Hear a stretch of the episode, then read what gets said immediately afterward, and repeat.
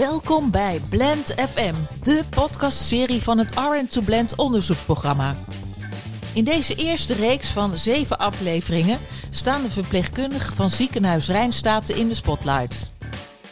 De afgelopen maanden spraken we met hen over verpleegkundig werk. Hoe zichtbaar zijn zij binnen de organisatie en hoe heeft het verpleegkundig beroep zich ontwikkeld? We spraken niet alleen met verpleegkundigen, ook artsen, bestuurders, projectleiders, beleidsmakers en managers deden hun verhaal. In deze zevendelige podcastserie laten we iedereen nogmaals aan het woord. Samen maken we het verhaal van de verpleegkundigen van morgen voor het Rijnstaten van de toekomst. Welkom bij alweer de vierde aflevering van Blend FM, de podcast van het Arn to Blend onderzoeksprogramma. Ik ben Hugo Schalkwijk, publiekshistoricus en onderzoeker bij de Hogeschool Utrecht. In dit deel gaan we het hebben over een thema dat uiteraard niet mag ontbreken: verpleegkundigen en COVID-19. Vooraf, uh, werd 2020, van vooraf werd 2020 al door de WHO bestempeld als Year of the Nurse. Dat kwam door, natuurlijk door de 200ste verjaardag van Florence Nightingale. Maar ja, wat voor Year of the Nurse is dit uh, geworden? Hè? Ik zie het nog zo voor me, dat geklap, op de, uh, dat geklap op de balkons en niets anders in het nieuws. Wat speelde er zich binnen de muren van het ziekenhuis af? Ik ga, in gesprek, uh, over de, ik ga dit uur in gesprek over de veerkracht en flexibiliteit, verpleegkundig leiderschap en geleerde lessen in de COVID-periode. Dat doe ik natuurlijk niet alleen, dat doe ik samen met uh, Gerjanne. Gerjanne, kan jij nog even kort voorstellen? Ja, ik ben Gerjanne Terbeest. Ik ben verpleegkundig specialist en werkzaam op de HIV-poli in Rijnstaten. En ik ben um, voorzitter van de Verpleegkundige Adviesraad. En verder aan tafel Kirsten Lokema en uh, Mark Klaassen, in, uh, infectioloog. Die zit nog in de teststraat. teststraat. Kirsten, jij bent er net uh, uitgekomen. Mijn naam is Kirsten Lolkema-Kip. Ik ben verpleegkundige, afdeling chirurgie orthopedie in Zevenaar. Ik hoop dat ik met Sinterklaas in mijn schoen krijg een mooi vogelnestkastje. Omdat ik het uh, helemaal geweldig vind, alle vogels en beestjes in mijn tuin. We gaan uh, nu eerst even luisteren naar een IC-verpleegkundige uh, uit Amsterdam, IC-verpleegkundige Bea, die net uit haar nachtdienst komt. Dienst. Loop ik meestal naar de keuken. Zet nog even een kopje thee. Dan ga ik nog even naar de radio luisteren en daarna kruip ik het bed in. Maar eerst ga ik nog wat vertellen over mijn ervaring als IC-verpleegkundige. Um, hoe heb ik de eerste coronagolven ervaren? Uh, ik vond het heel opvallend dat het allemaal heel snel ging en dat uh, het aantal patiënten in één heel erg ging toenemen. Dat er in één keer buddies op de afdeling kwamen die niet ingewerkt waren. Soms gaf me dat wel veel stress, dat ik dacht van uh, waar gaan we naartoe en waar eindigt dit? Hoeveel patiënten komen er nog? Buddies werken vond ik ook af en toe lastig. De een had heel veel ervaring, de ander had juist helemaal geen ervaring. Soms heb je bijvoorbeeld een arts die gespecialiseerd is in de plastische chirurgie. En die komt dan ons helpen en ondersteunen. Maar dan zie je op een gegeven moment wel katheters ook boven aan de, aan de infuuspaal hangen. Dus dat gaat niet altijd helemaal goed. Ja. Ik moest anders functioneren als normaal. Uh, normaal gesproken hebben we maximaal twee uh, patiënten onder ons en nu vier patiënten met ondersteuning. Dus de verantwoordelijkheid is veel groter. Of ik veel geleerd heb van de eerste golf, um, is uh, hoe ik met uh, coronapatiënten moet omgaan. Ik moest toen ook voor het eerst video bellen en dat al uh, als familie heel erg emotioneel is, vond ik dat wel lastig om mee om te gaan. Nou, ik moest er zelf überhaupt aan wennen om, om te bellen en ik volgens mij ben ik al 15 minuten bezig geweest om dat ding überhaupt aan de praat te krijgen. ik denk, oh, ik moet video bellen. En wat er uit de eerste golf, denk ik, geleerd is vanuit de verpleegkundigen, is dat we toen vier patiënten onder ons hadden en dat dat nu drie is. Wat eigenlijk nog wel veel is, maar wat gelukkig wel één patiënt minder is dan tijdens de eerste. Daar is wel naar ons geluisterd. Ja. Wat voor mij belangrijk is om dit vol te houden, is uh, dat ik genoeg vrij blijf nemen. Niet uh, uh, bij veel zieken om het gevoel te hebben dat ik het steeds op moet lossen, maar toch aan mezelf moet denken. We hebben op de afdeling peer support, twee keer per week. Eerst had ik het gevoel van dat het niet nodig was, maar het blijkt toch wel echt goed te zijn. Dat je ook andere verhalen van collega's hoort. En, ik denk dat ze dat heel goed doen op de afdeling. Uh, ik vind uh, dat verpleegkundigen heel veel veerkracht hebben getoond uh, tijdens deze coronagolven. Allebei de eerste en nu de tweede weer. Dat is een uh, bijzondere ervaring van Bea. Kirsten, herken jij jezelf een beetje in dit verhaal? Ja, eigenlijk wel. De eerste periode werden we heel erg overvallen door, door wat er allemaal op ons afkwam. En dat herken ik zeker. Ja, neem ons eens even mee naar die eerste dagen, weken van die eerste golf. Hoe was dat? Nou, het begon al, uh, we werken natuurlijk op locatie Zevenaar. En het begon al uh, eigenlijk met de aankondiging op maandag dat we per woensdag naar Arnhem met z'n allen zouden gaan. Lagen nog patiënten, die moesten zo snel mogelijk ofwel naar huis ofwel uh, elders ondergebracht worden. En ja, je werd eigenlijk een beetje voor het blok gezet. En ja, ga maar en kijk maar wat het gaat worden. Ja. En, en lukte dat ook zo? In één keer naar een andere locatie, in één keer op een andere plek? Moet wel. Ja, geen, uh, geen andere keuze in. Nee, nee, nee. Vond je dat zwaar? Ja, vooral mentaal. Je moet je toch in één keer helemaal omschakelen. Uh, heel vreemd ziektebeeld, natuurlijk voor iedereen. Uh, maar goed, wij zijn snijdend verpleegkundigen. Dus dan, dan ga je toch een beetje andere kant op dan een beschouwend verpleegkundige. En ja, dit was toch meer de beschouwende kant op. Dus uh, het was echt wel een hele andere nieuwe wereld voor ons. Ja, en beschrijf dan eens even wat je ziet op zo'n afdeling als je daar rondloopt.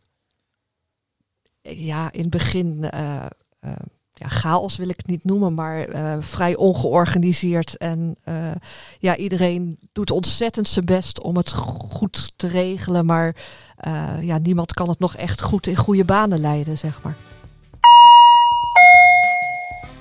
Ik ben Mark Klaassen, internist, infectioloog Rijnstaten. Vergeten vanochtend, uh, zoals altijd, uh, fruit met yoghurt en uh, muesli. Hoe gezond ik ben? Ik ben heel erg gezond. Ik fiets ook wel eens naar Arnhem. Ik woon heel ver weg van Arnhem, 120 kilometer. Dan, ja, dan heb ik wel een ochtend vrij hoor, maar dan fiets ik hier naartoe. Ik ben minder sportief dan ik zou willen, ja. en Mark, hoe heb jij dat uh, uh, beleefd, die eerste paar weken van die uh, eerste golfpiek? ja, het is voor ons als internisten, en zeker internisten-infectiologen, een hele andere dynamiek. Hè. ik heel veel respect voor de verpleegkundigen en ook de zaalartsen die echt aan, bij de patiënt aan bed staan.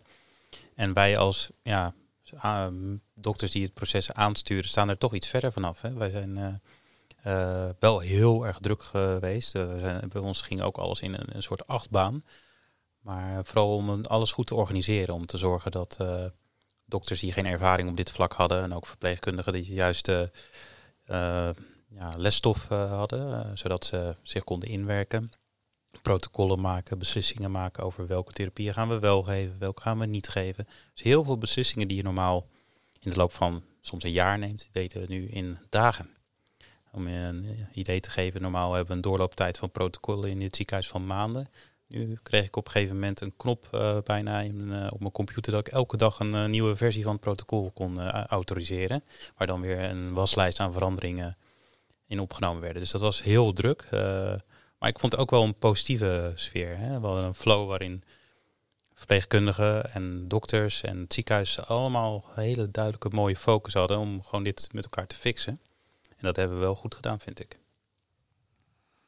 Ja, en dat lijkt me best heftig inderdaad. Uh, Dingen die je normaal gesproken in maanden moet doen, moeten in één keer ja. uh, van dag tot dag. Uh, er werd er een beetje gesproken over peergroep support. heb je dat zelf ook ervaren? Dat je, heb je dat ontvangen of hoe was dat hier geregeld? Ja, we hadden wel, ehm, ook van de medische psychologie, hebben mensen zich echt vanuit proactief aangeboden om peer support te geven. En ik merk, we hebben het er onderling veel uh, met elkaar over gehad, met de dokters. Ik weet minder hoe dat bij de verpleegkundigen uh, is. Ik denk dat zij ook wel dat aangeboden hebben gekregen. Maar ik merkte dat ja, in die eerste golf ook veel mensen door die positieve sfeer die er was ook best wel goed afgingen. En ik denk dat juist nu in die tweede golf en uh, de, de, de, na-effecten, dat we daar vooral zwaarder hebben. We ja. toen, ja, als je in een, in een strijd zit met z'n allen, dan vecht je door. Hè? En achteraf ja, komende dingen. Ja. Ja. Hoe ervaar jij dat, Kirsten? Ja, wel hetzelfde inderdaad. Uh, bij de eerste golf was van nou, we gaan er met z'n allen voor inderdaad. En we werden ook uh, uh, heel hartelijk overal ontvangen. En iedereen was heel blij dat we er waren inderdaad. En ja, dan zit je in die flow en dan ga je door. En pas als het helemaal klaar is en je bent weer terug bij normaal, dan besef je eigenlijk pas wat je gedaan hebt. En dan gaat het pas landen. Ja. Want nog even terug inderdaad naar het gevoel van die eerste of die tweede komen zo inderdaad, of ja, dit nu eigenlijk, daar komen we zo nog op, uh, op terug. Maar, maar in zo'n eerste golf, hoe heb jij dit ervaren? Want verpleegkundigen, nou, ik zei het al heel eventjes in het intro, uh, kwamen wel helemaal echt in de spotlight uh, even. Ja, dat was wel heel bijzonder, want dat zijn we natuurlijk helemaal niet gewend. Dat is, uh, ja, ik heb uh, een late dienst hier mogen werken dat de politie met alle zwaailampen en sirenes, uh, ja, dan sta je echt met tranen in je ogen, sta je even naar buiten te kijken. Dat, ja, dat ken je helemaal niet. Dus dat is wel heel bizar bijzonder. Ja. ja. Avondeten hoefden jullie zelf niet te kopen, begrepen? Bijna niet. Nee, nee, nee. Wel uh, rituals pakketten en uh, van alles en nog wat, uh, wat er aangeboden werd. Dat je dacht van, oh, ja, heel bijzonder dat mensen toen toch wel heel erg aan ons dachten. Ja. Er werd net ook even gesproken over de buddies. Dat was in ieder geval van, van de verpleegkundigen uit Amsterdam. Hebben jullie daar in Rijnstaten ook mee gewerkt? Ja, ja op de afdelingen en, en nu ook nog weer. eigenlijk werk je met koppels en ja, help je elkaar. En, en hoe, hoe hebben jullie dat ervaren? Ja, dat is heel prettig. Ja, ja vooral omdat je, als je dus op een COVID-kamer aan het werk bent, helemaal aangekleed. En er is iemand op de gang die je de spullen aan kan geven. Of waar je even mee kunt overleggen. Die een dokter kan bellen voor je uh, bijvoorbeeld. Dat, is, dat werkt heel fijn. Ja, geen katheterzakken aan. Uh, nee, we hebben ze niet aan de infuuspalen gehangen, nee. Mooi. We gaan, uh, we gaan nu even naar de situatie nu. Uh, want de uh, dames van Radio Steunkous hebben Wim van Hart aan de telefoon gehad, voorzitter van de Raad van Bestuur van Rijnstaten. En hij spreekt over de situatie zoals die nu is in het ziekenhuis. De, de situatie in het ziekenhuis met COVID is dat wij de afgelopen twee maanden toch weer een heftige periode doormaken. Hè, met toenemend een aantal COVID-patiënten op de isolatieafdeling en uh, vooral ook op de IC. En dat uh, ja, trekt best weer een zware wissel op de organisatie. En op een andere manier dan de vorige keer. de vorige keer was het zo dat alle andere zorg die niet semi-spoed of oncologie was, stopte. Hè, omdat ook niet bekend was hoe je dat op de polykliniek moest doen. En dat er uh, zo min mogelijk uh, verkeer zou moeten zijn. Dus toen, toen viel het ziekenhuis helemaal stil, behalve COVID, oncologie en nog wat andere functies. En nu is het uh, echt anders, omdat je probeert met de anderhalve meter regels die allemaal zijn, zijn ingesteld en de mondkapjes, et cetera, de gewone zorg zoveel mogelijk door te laten lopen. En dat ja, geeft best af en toe ingewikkelde beslissingen. Het is niet meer zo, zo bazaal eh, dat je je druk hoeft te maken over de mondkapjes en of er genoeg materiaal is. Maar het is wel bazaal in die zin dat je zegt: ja, moeten we nou elkaar sluiten voor coronapatiënten? Uh, of kunnen we dat zo lang mogelijk overeind houden? Dus dat geeft uh, bestuurlijk hele andere afwegingen. En je ziet dat de verpleging ehm, toch moeite heeft om de flexibiliteit op te brengen die de eerste keer wat makkelijker was. Uh, ook omdat er meer collega's ziek zijn. Uh, en omdat er ook niet zo'n duidelijk zicht is op wanneer het nou ophoudt. Uh, en dat, dat maakt de, de belastbaarheid deze keer anders. Nou, hij zegt inderdaad beide golven trekken een zware wissel op de zorg. En ik denk dat ik jullie alle drie hier wel eventjes over, over wil horen. Allereerst, misschien Kirsten inderdaad. Merk je dat inderdaad wat minder flexibiliteit in verpleging nu? Uh, niet zozeer minder flexibiliteit. Ik denk dat iedereen nog wel weer heel flexibel is. Wat een groot opvallend verschil is natuurlijk dat in de eerste golf niet zoveel getest mocht worden. Dus mensen met milde klachten werkten door. Nu wordt er heel veel getest. Nu zitten gewoon heel veel verpleegkundigen thuis die in het voorjaar gewoon doorwerkten. Dus je ziet gewoon in de, in de hoeveelheid mensen dat het echt een groot verschil is. En je bent bijna gedwongen ziek dan eigenlijk? Ja, inderdaad. Ja. Hoe zie jij dat? Ehm, ja, ik denk ook dat iedereen heel flexibel is. Uh, ik denk dat het aantal mensen wat COVID heeft op de werkvloer, dat dat ook veel uh, onrust veroorzaakt.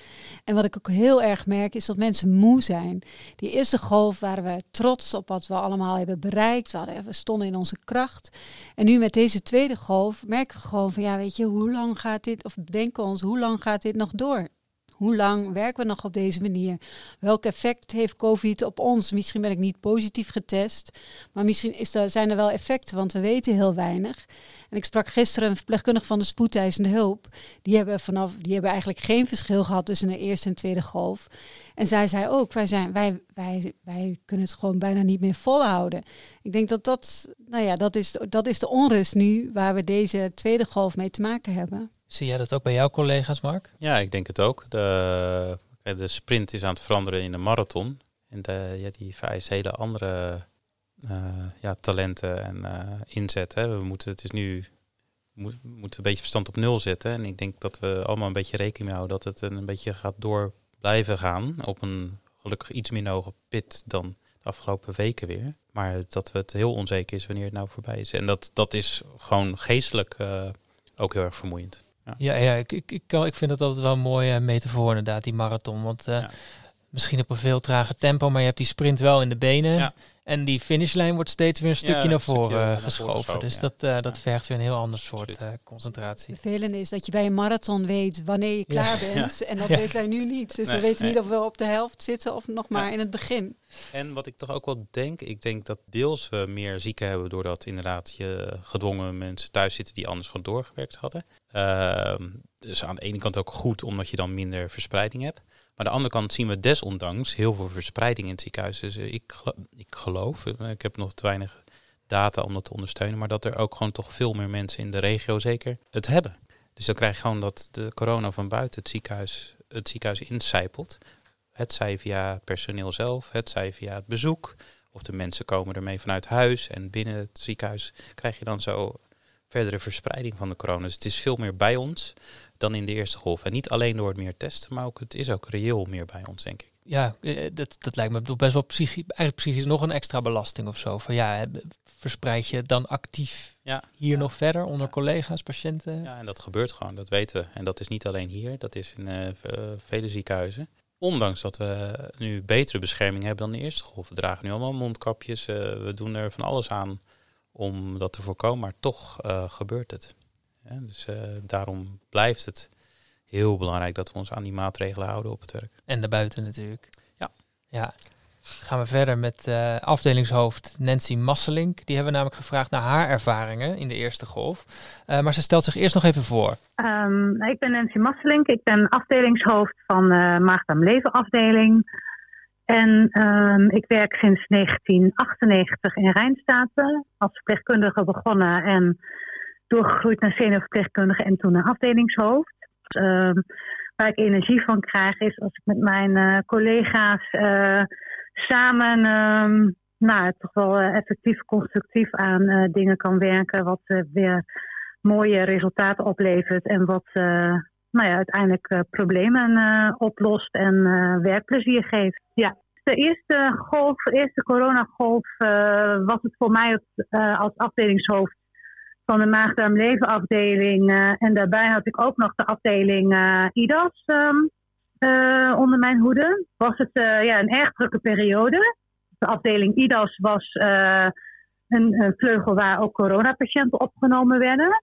En de afdeling MBL had één vleugel uh, die stand-by stond een periode om eventueel coronapatiënten op te nemen als het echt uh, nog meer zou worden. En anders uh, werden patiënten. en tijdens die stand-by periode heb ik dus ook vanuit de MDL verpleegkundigen uitgeleend naar andere afdelingen die corona-afdelingen waren om daar de tekorten op te vullen. Um, ja, dat, dat, dat gaf inderdaad ook wel heel veel stress. En uh, dat zag, zag ik ook bij, bij mijn collega-hoofden. Want iedereen kwam natuurlijk in een situatie die van tevoren niet, uh, ja, niet bekend was. En waar we van tevoren eigenlijk niet uh, met elkaar op hadden kunnen anticiperen. Omdat het voor iedereen nieuw was. En daarbij hebben we ook als hoofden bereikbaarheidsdiensten nog gedaan in de avonden en in de weekenden. Om ja, ter ondersteuning van de verpleegkundigen in de kliniek. Om daar de dingen te kunnen organiseren en regelen. Ehm, ja, buiten kantoortijden, zeg maar. Dus dat kwam er ook nog bij. Dus dat was inderdaad een drukke periode. Dat klinkt inderdaad als een hele drukke periode. Maar ergens ook alweer straalt hier ook weer uit van uit z'n allen de schouders uh, eronder en elkaar uh, gaan helpen. Um, Nancy, uh, vroegen we ook aan de lessen die, zich, die zij uit die eerste golf trok.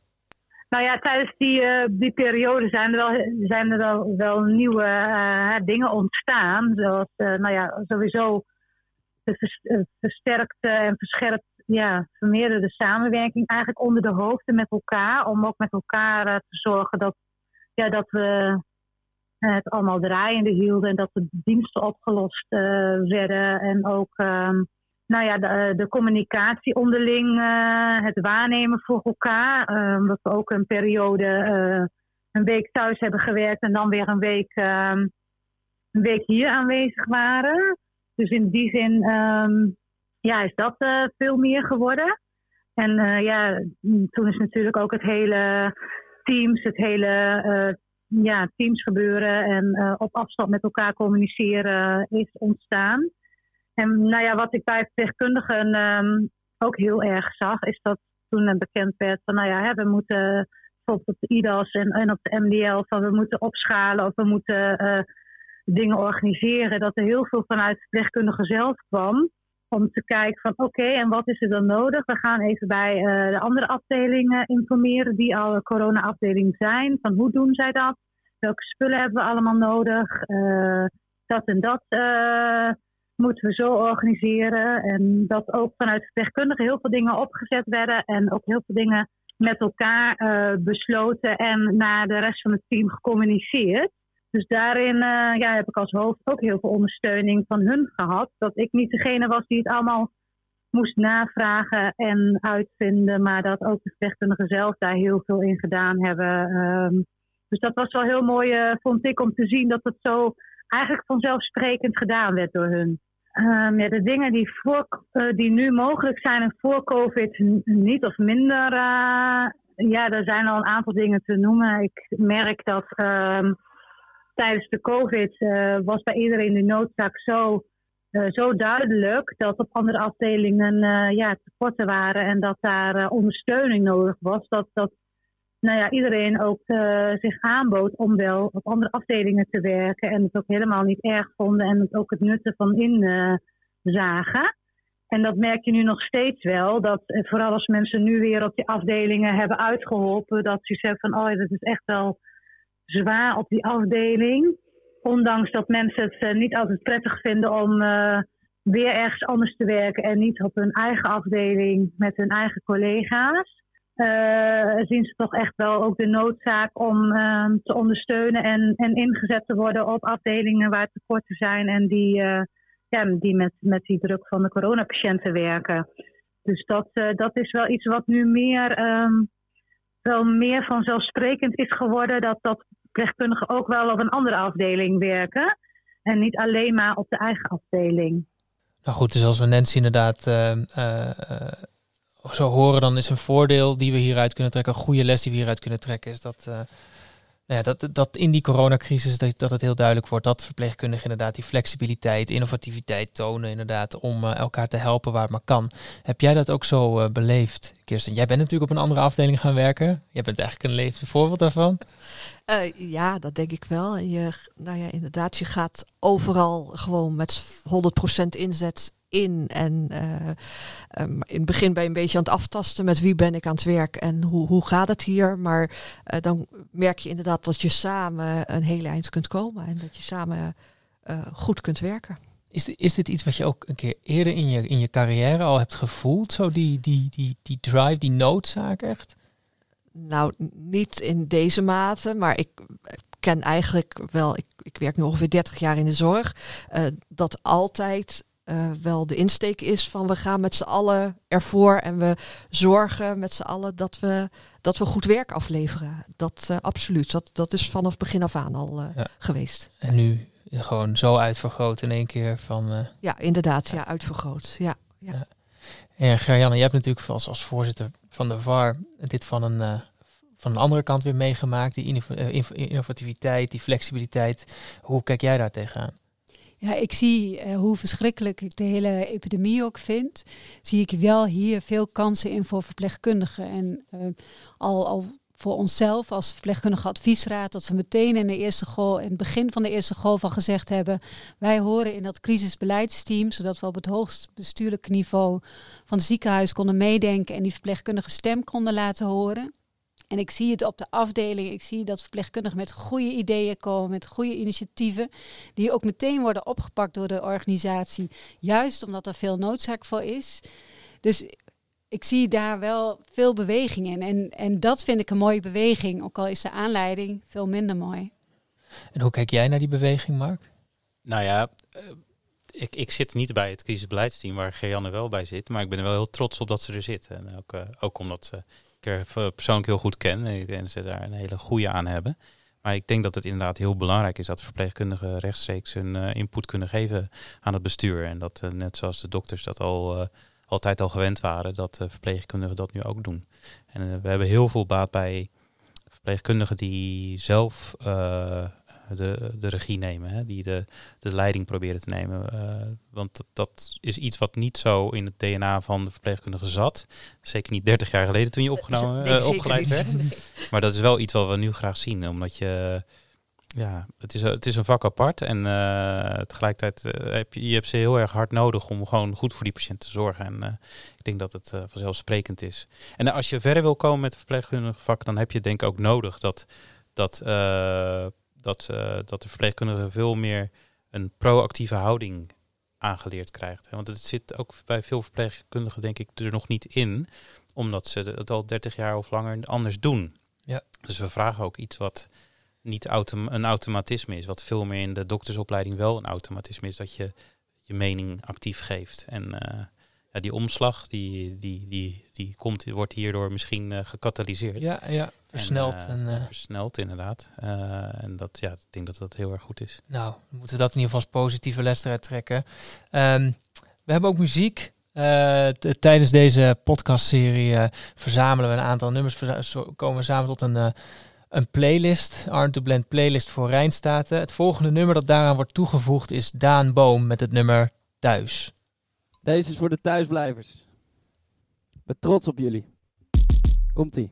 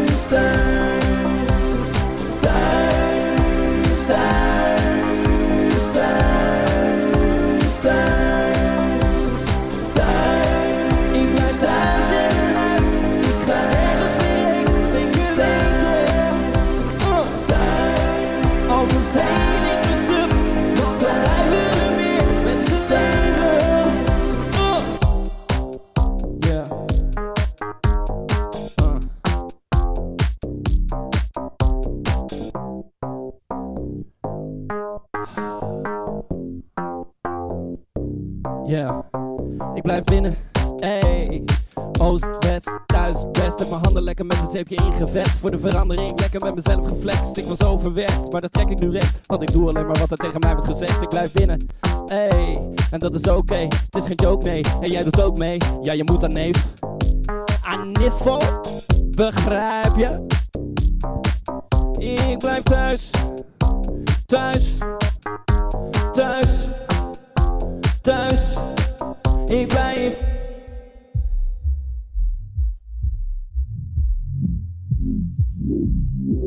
Ik blijf.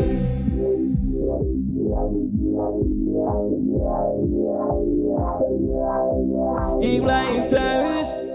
Nou, we blijven thuis. We, we rollen gelijk verder uh, naar het interview dat de dames van Radio Steunkous hadden met Wim van Harten.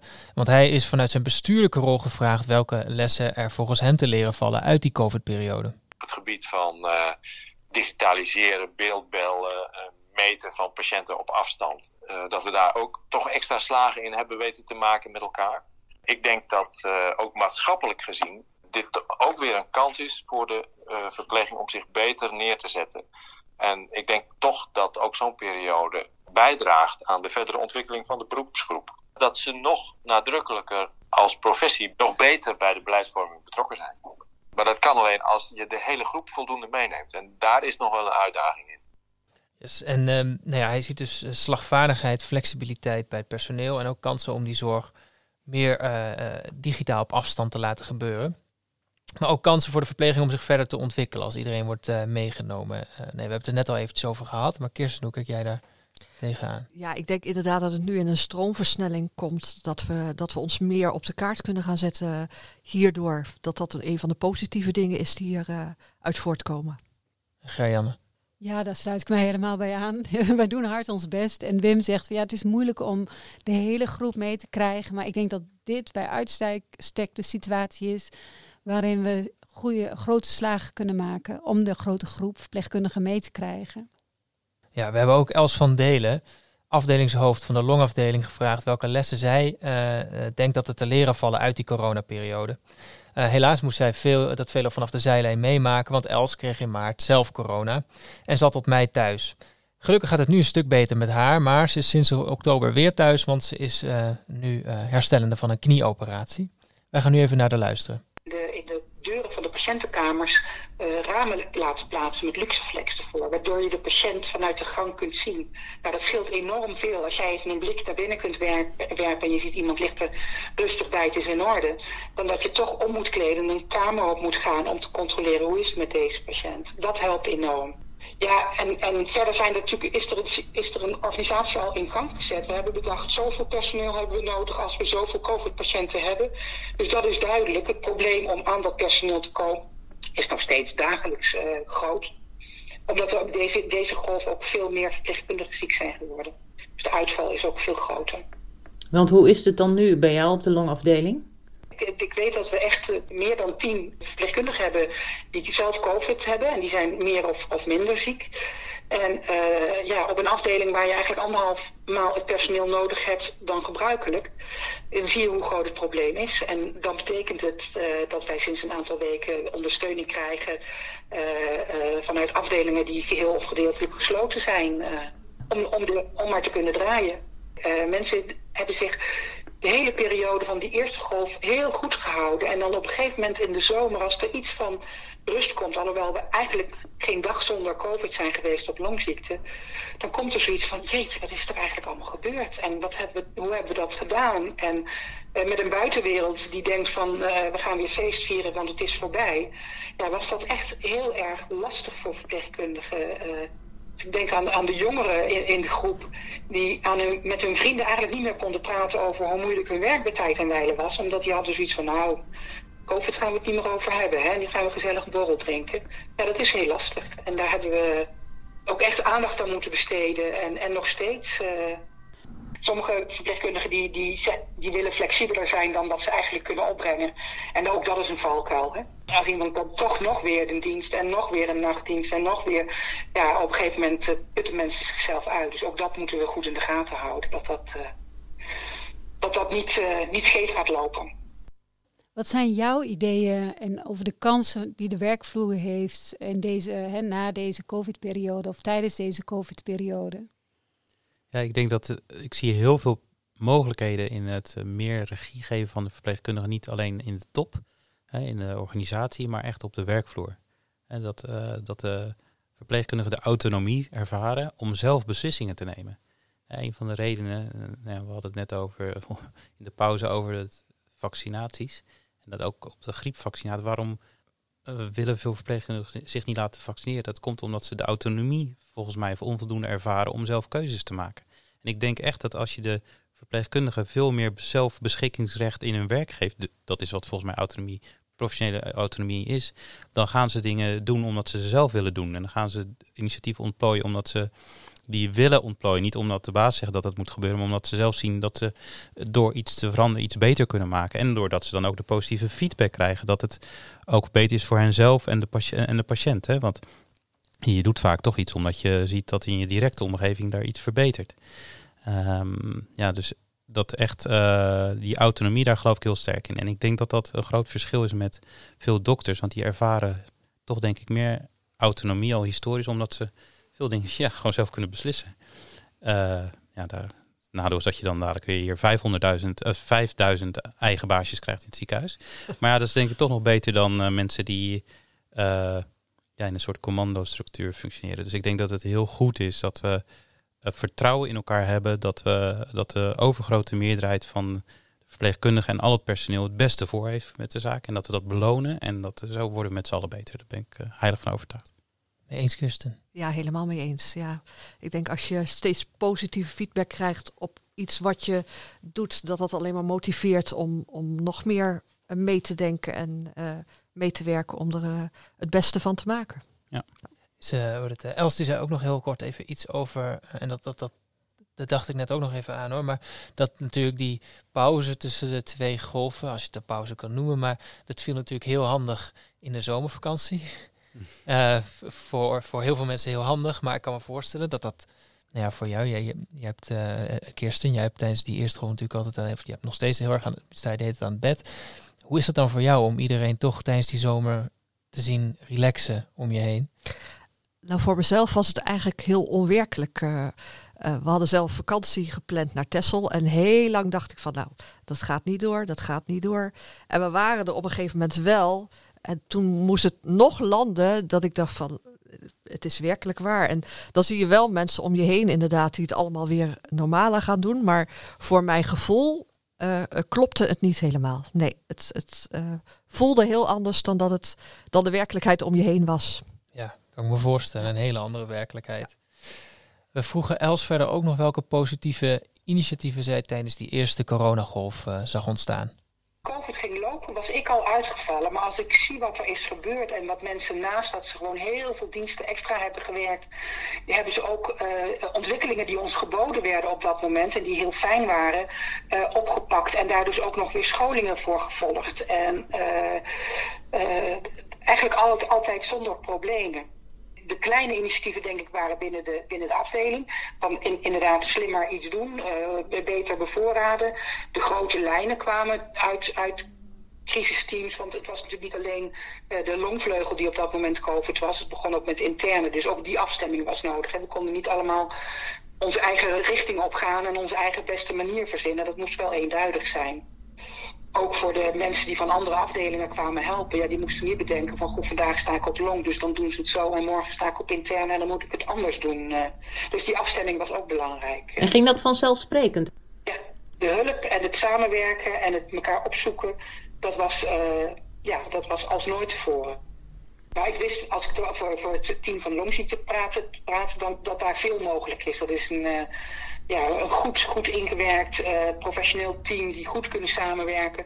Maar dat we er als hele organisatie op dat moment neer kon zetten, was, uh, ja, daar was om stil van te worden.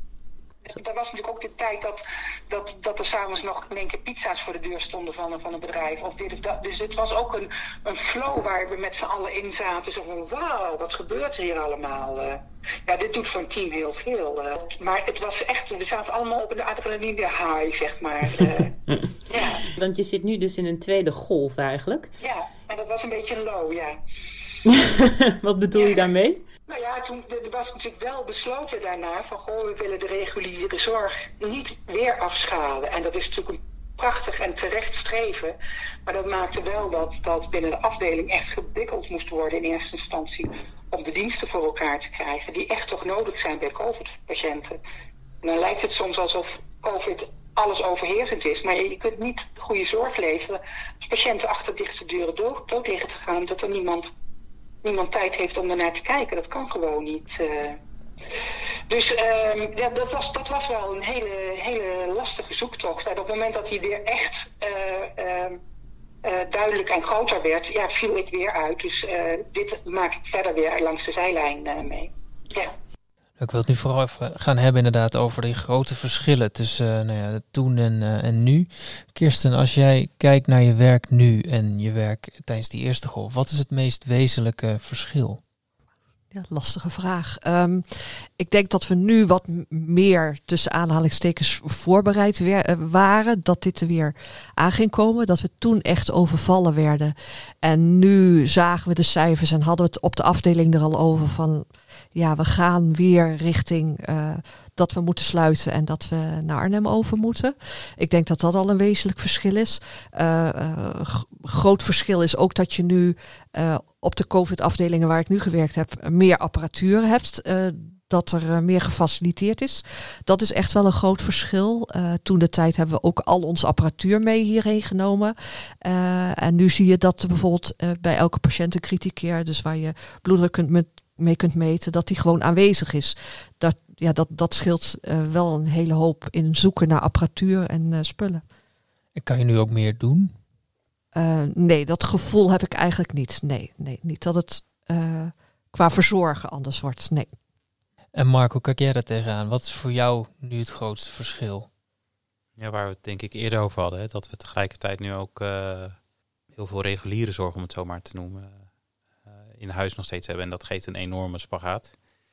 dat, dat maakt het voor ons denk ik meer stressvol dan de eerste golf dat zou misschien voor de verpleegkundigen anders zijn, want die staan op de afdeling waar ze staan. Maar voor de, ons die toch ook voor de belangen moeten opkomen van de verschillende patiëntengroepen, is dat een, een hele lastige strijd. En daarnaast hebben we wel het gevoel, medisch inhoudelijk, dat er iets meer opties zijn. In die zin dat we wel het idee hebben dat de dexamethason, de ontstekingsremmer die we geven aan de patiënten, wel ervoor zorgt dat, uh, dat sommige patiënten beter af zijn. En we geven nu ook uh, standaard uh, antistolling aan alle patiënten. Dat zijn toch wat ondersteunende therapieën die maken dat we het idee hebben dat de patiënten het gemiddeld iets beter doen. Dat kan ook nog allemaal vertekend zijn hoor, want we hebben misschien een andere populatie dan de eerste keer. En de allerzwakste zijn misschien al voor een deel uitgevallen, hè? Zelfs overleden. En de, dus, dus je weet niet of die cijfers helemaal kloppen of je gevoel klopt. Maar daar hebben, dat idee hebben we wel een beetje. Um, ja. ja, wel positief. Gerjanne, uh, jij, jij zat bij het uitbraakmanagementteam. Hè? Uh, toen in die eerste golf merkte jij dat. Is er iets veranderd in die tweede golf? Zijn worden verpleegkundigen nu automatisch uh, erbij gehaald? Of hoe werkt dat ja. nu? Wij werden, de eerste golf moesten we ons melden. Wij, wij noemen dat hier het crisisbeleidsteam, ja. CBT. bij de tweede golf zaten we er meteen bij, dus dat was fijn. ik denk wel dat deze tweede golf is wel echt ingewikkelder, ook omdat we heel graag als ziekenhuis de reguliere zorg willen door laten gaan, omdat die patiënten ook hulp nodig hebben. En dat heeft ertoe geleid dat bijvoorbeeld met name in het begin van de tweede golf de COVID-afdelingen zich ook wel eenzaam voelden en weinig gesteund. Want de afdelingen die de eerste golf meteen klaar stonden voor hulp, die waren deze tweede golf bezig met hun eigen zorg. Dus dat maakt het best wel ingewikkeld en ook uh, moeizamer.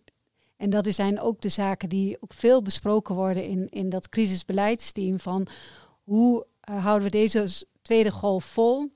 Met goede zorg voor COVID-patiënten, maar ook goede zorg voor de reguliere patiënten. En uh, hoe houdt het personeel het vol? Dat zijn echt heel ingewikkelde vragen.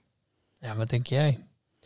Dat ligt er een beetje aan hoe lang het duurt. Dus ik werd zelf een beetje uh, chagrijnig van de laatste persconferentie. Want ik dacht, ja, als we alles weer open gaan stellen, dan komt er misschien wel weer een derde golf. Dus ik ben, ja, daar hangt het van af en hoe mensen zich aan de maatregelen houden.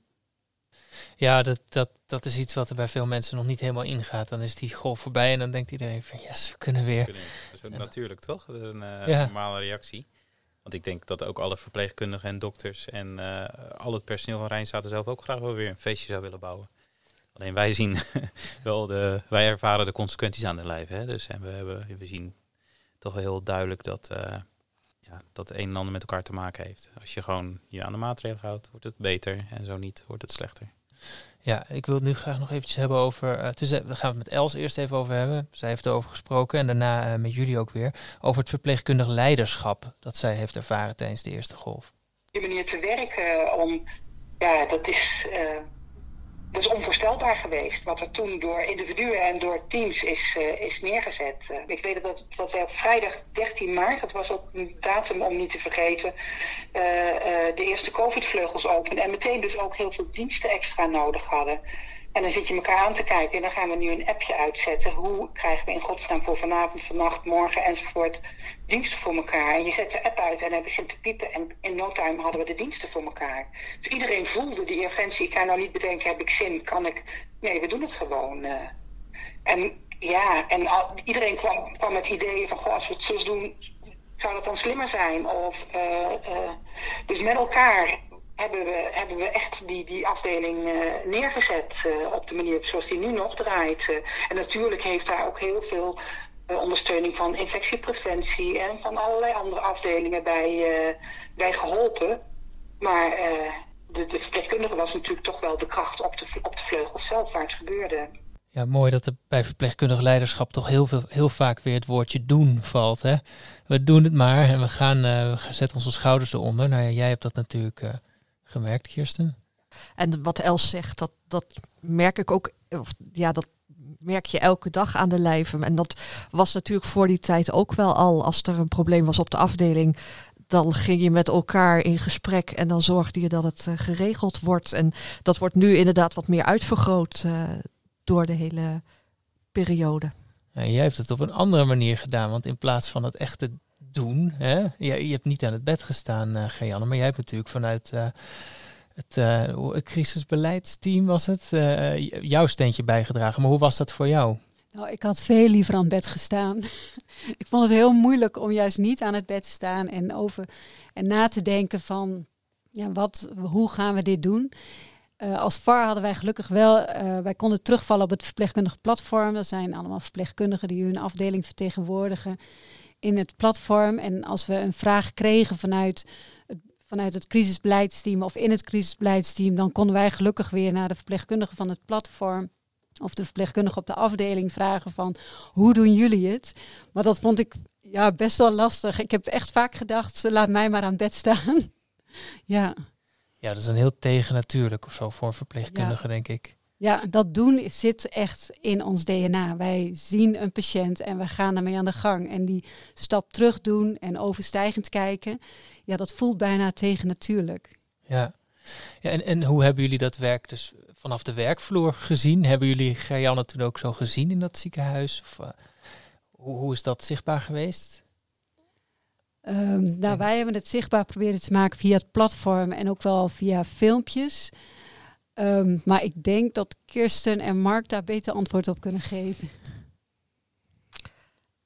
Ja, ik kan niet, niet zozeer zeggen dat, dat het heel breed uitgemeten geweest is. Maar eh, je hoorde wel hier en daar inderdaad dat er dan vragen gesteld werden en dat er feedback gevraagd werd. En eh, ja, daardoor was het dan wel duidelijk dat ze daarmee bezig waren. Ja, je voelde je wel gehoord ook. Dus dat de mogelijkheid er was. Ja, zeker. Ja. Hoe kijk jij er tegenaan, Mark? Ja, ik, ik weet heel goed waar Gejan mee bezig is. Dus dat is een beetje een vertekend beeld. Ik weet niet of alle dokters het zo in de gaten hebben dat de verpleegkundigen steeds eh ja, prominentere rol vervullen in het ziekenhuis. Ehm, ik denk dat de meeste dokters overigens wel positief tegenover staan hoor. Maar ehm, ja, als je in. eh, je hebt ook andere organen. Je had ook het operationeel team eh, capaciteit en infectiebeleid, twee operationele teams. En daarin waren ook verpleegkundigen of verpleegkundige hoofden vertegenwoordigd. Dus je ziet wel dat overal verpleegkundigen of hoofden van verpleegafdeling eh, gesprekspartners zijn. Dus het is wel ja, iets eigenlijk natuurlijks eh, in de organisatie geworden. Ehm, Ja, dus ik, ik, ik, heb het wel heel duidelijk ervaren, maar ja, of alle dokters dat weten, weet ik niet. En anders moeten ze nog meer reclame maken daarvoor. Nou ja, wat, heel, wat ik zelf, waar ik zelf heel blij mee ben, is dat Rijnstaat maar een van de weinige ziekenhuizen waren waar verpleegkundigen in dat crisisbeleidsteam of in de outbreaks management team zaten. En in de eerste golf zaten we als verpleegkundigen niet in de operationele teams, in de tweede golf wel. En ook daarin denk ik dat we wel een, een goede stem hebben en ook van toegevoegde waarde zijn. Ja. Nou, misschien wat je, wat je zegt vind ik dan wel mooi om te horen. Ehm, dat, het, dat ze er nu ook bij horen, zeg maar. Dat hoeft er misschien niet helemaal dat, dat, eh, mhm. van de daken geschreeuwd worden, maar juist als het ook op zo'n manier er gewoon insluipt. En als het op een gegeven moment maar gewoon, gewoon is. Hè? Dus dat je je niet hoeft te melden, zoals je zei. Want dat was bij de eerste golf het geval, maar bij de tweede golf, nou je wordt gewoon gelijk uh, erbij gehaald. Mooi. Nou, dan gaan we nog even naar uh, Wim van Harten. Uh, want we, de dames van Radio Steunkous die vroegen hem wat deze periode persoonlijk met hem heeft gedaan. Tropenarts in het oerwoud van Cameroen. En dat is een. Uh, toen heb ik ook een, een tijd uh, daar zo'n klein ziekenhuisje geleid. Dus dat was helemaal in het begin van mijn loopbaan. Maar daar, daar, ook daar heb je te maken met hele basale vragen. die niet zo ontzettend strategisch van, van aard zijn. En van welke patiënten moeten we nu wel of niet afzeggen? Welke moet ik eerst behandelen? En heb ik genoeg spullen? Uh, dat, dat soort vragen, die zijn er nu af en toe ook. Dus dan moet ik af en toe wel eens terugdenken aan hoe ik uh, begonnen ben. Dus in die zin is de cirkel ook wel rond. Dus, dus je, je hebt in deze periode met wat basalere vraagstukken te maken dan zeg maar de strategie en de toekomstvisie en dat soort zaken. Dat loopt wel door, maar dat staat nu toch wat meer op de voorgrond ik denk, hm, ja, ik denk wel dat ik uh, zeg maar een, uh, een rustig mens ben, om het zo maar eens te zeggen. Uh, want de organisatie heeft er niks aan als ik in paniek zou raken of gedeprimeerd zou, zou raken. Maar het is natuurlijk wel zo dat je graag uitzicht wil bieden op wanneer dit, dit langzaamaan voorbij gaat en je weer aan de gewone uitdagingen en, en ontwikkeling van de organisatie en de mensen kunt werken. En uh, daar zie ik wel naar uit. Nou, ik denk dat we daar allemaal wel een beetje naar uitzien. Naar al die gewone uitdagingen. Of het nou een uh, oud normaal of een nieuw normaal is. We gaan afsluiten. Ik wil jou heel graag bedanken, Kirsten, Mark, Gerjanne. Um, we gaan nog even luisteren naar de Jerusalema Song. Een liedje dat natuurlijk niet meer weg te denken is uh, uit deze tijd. Dank jullie wel.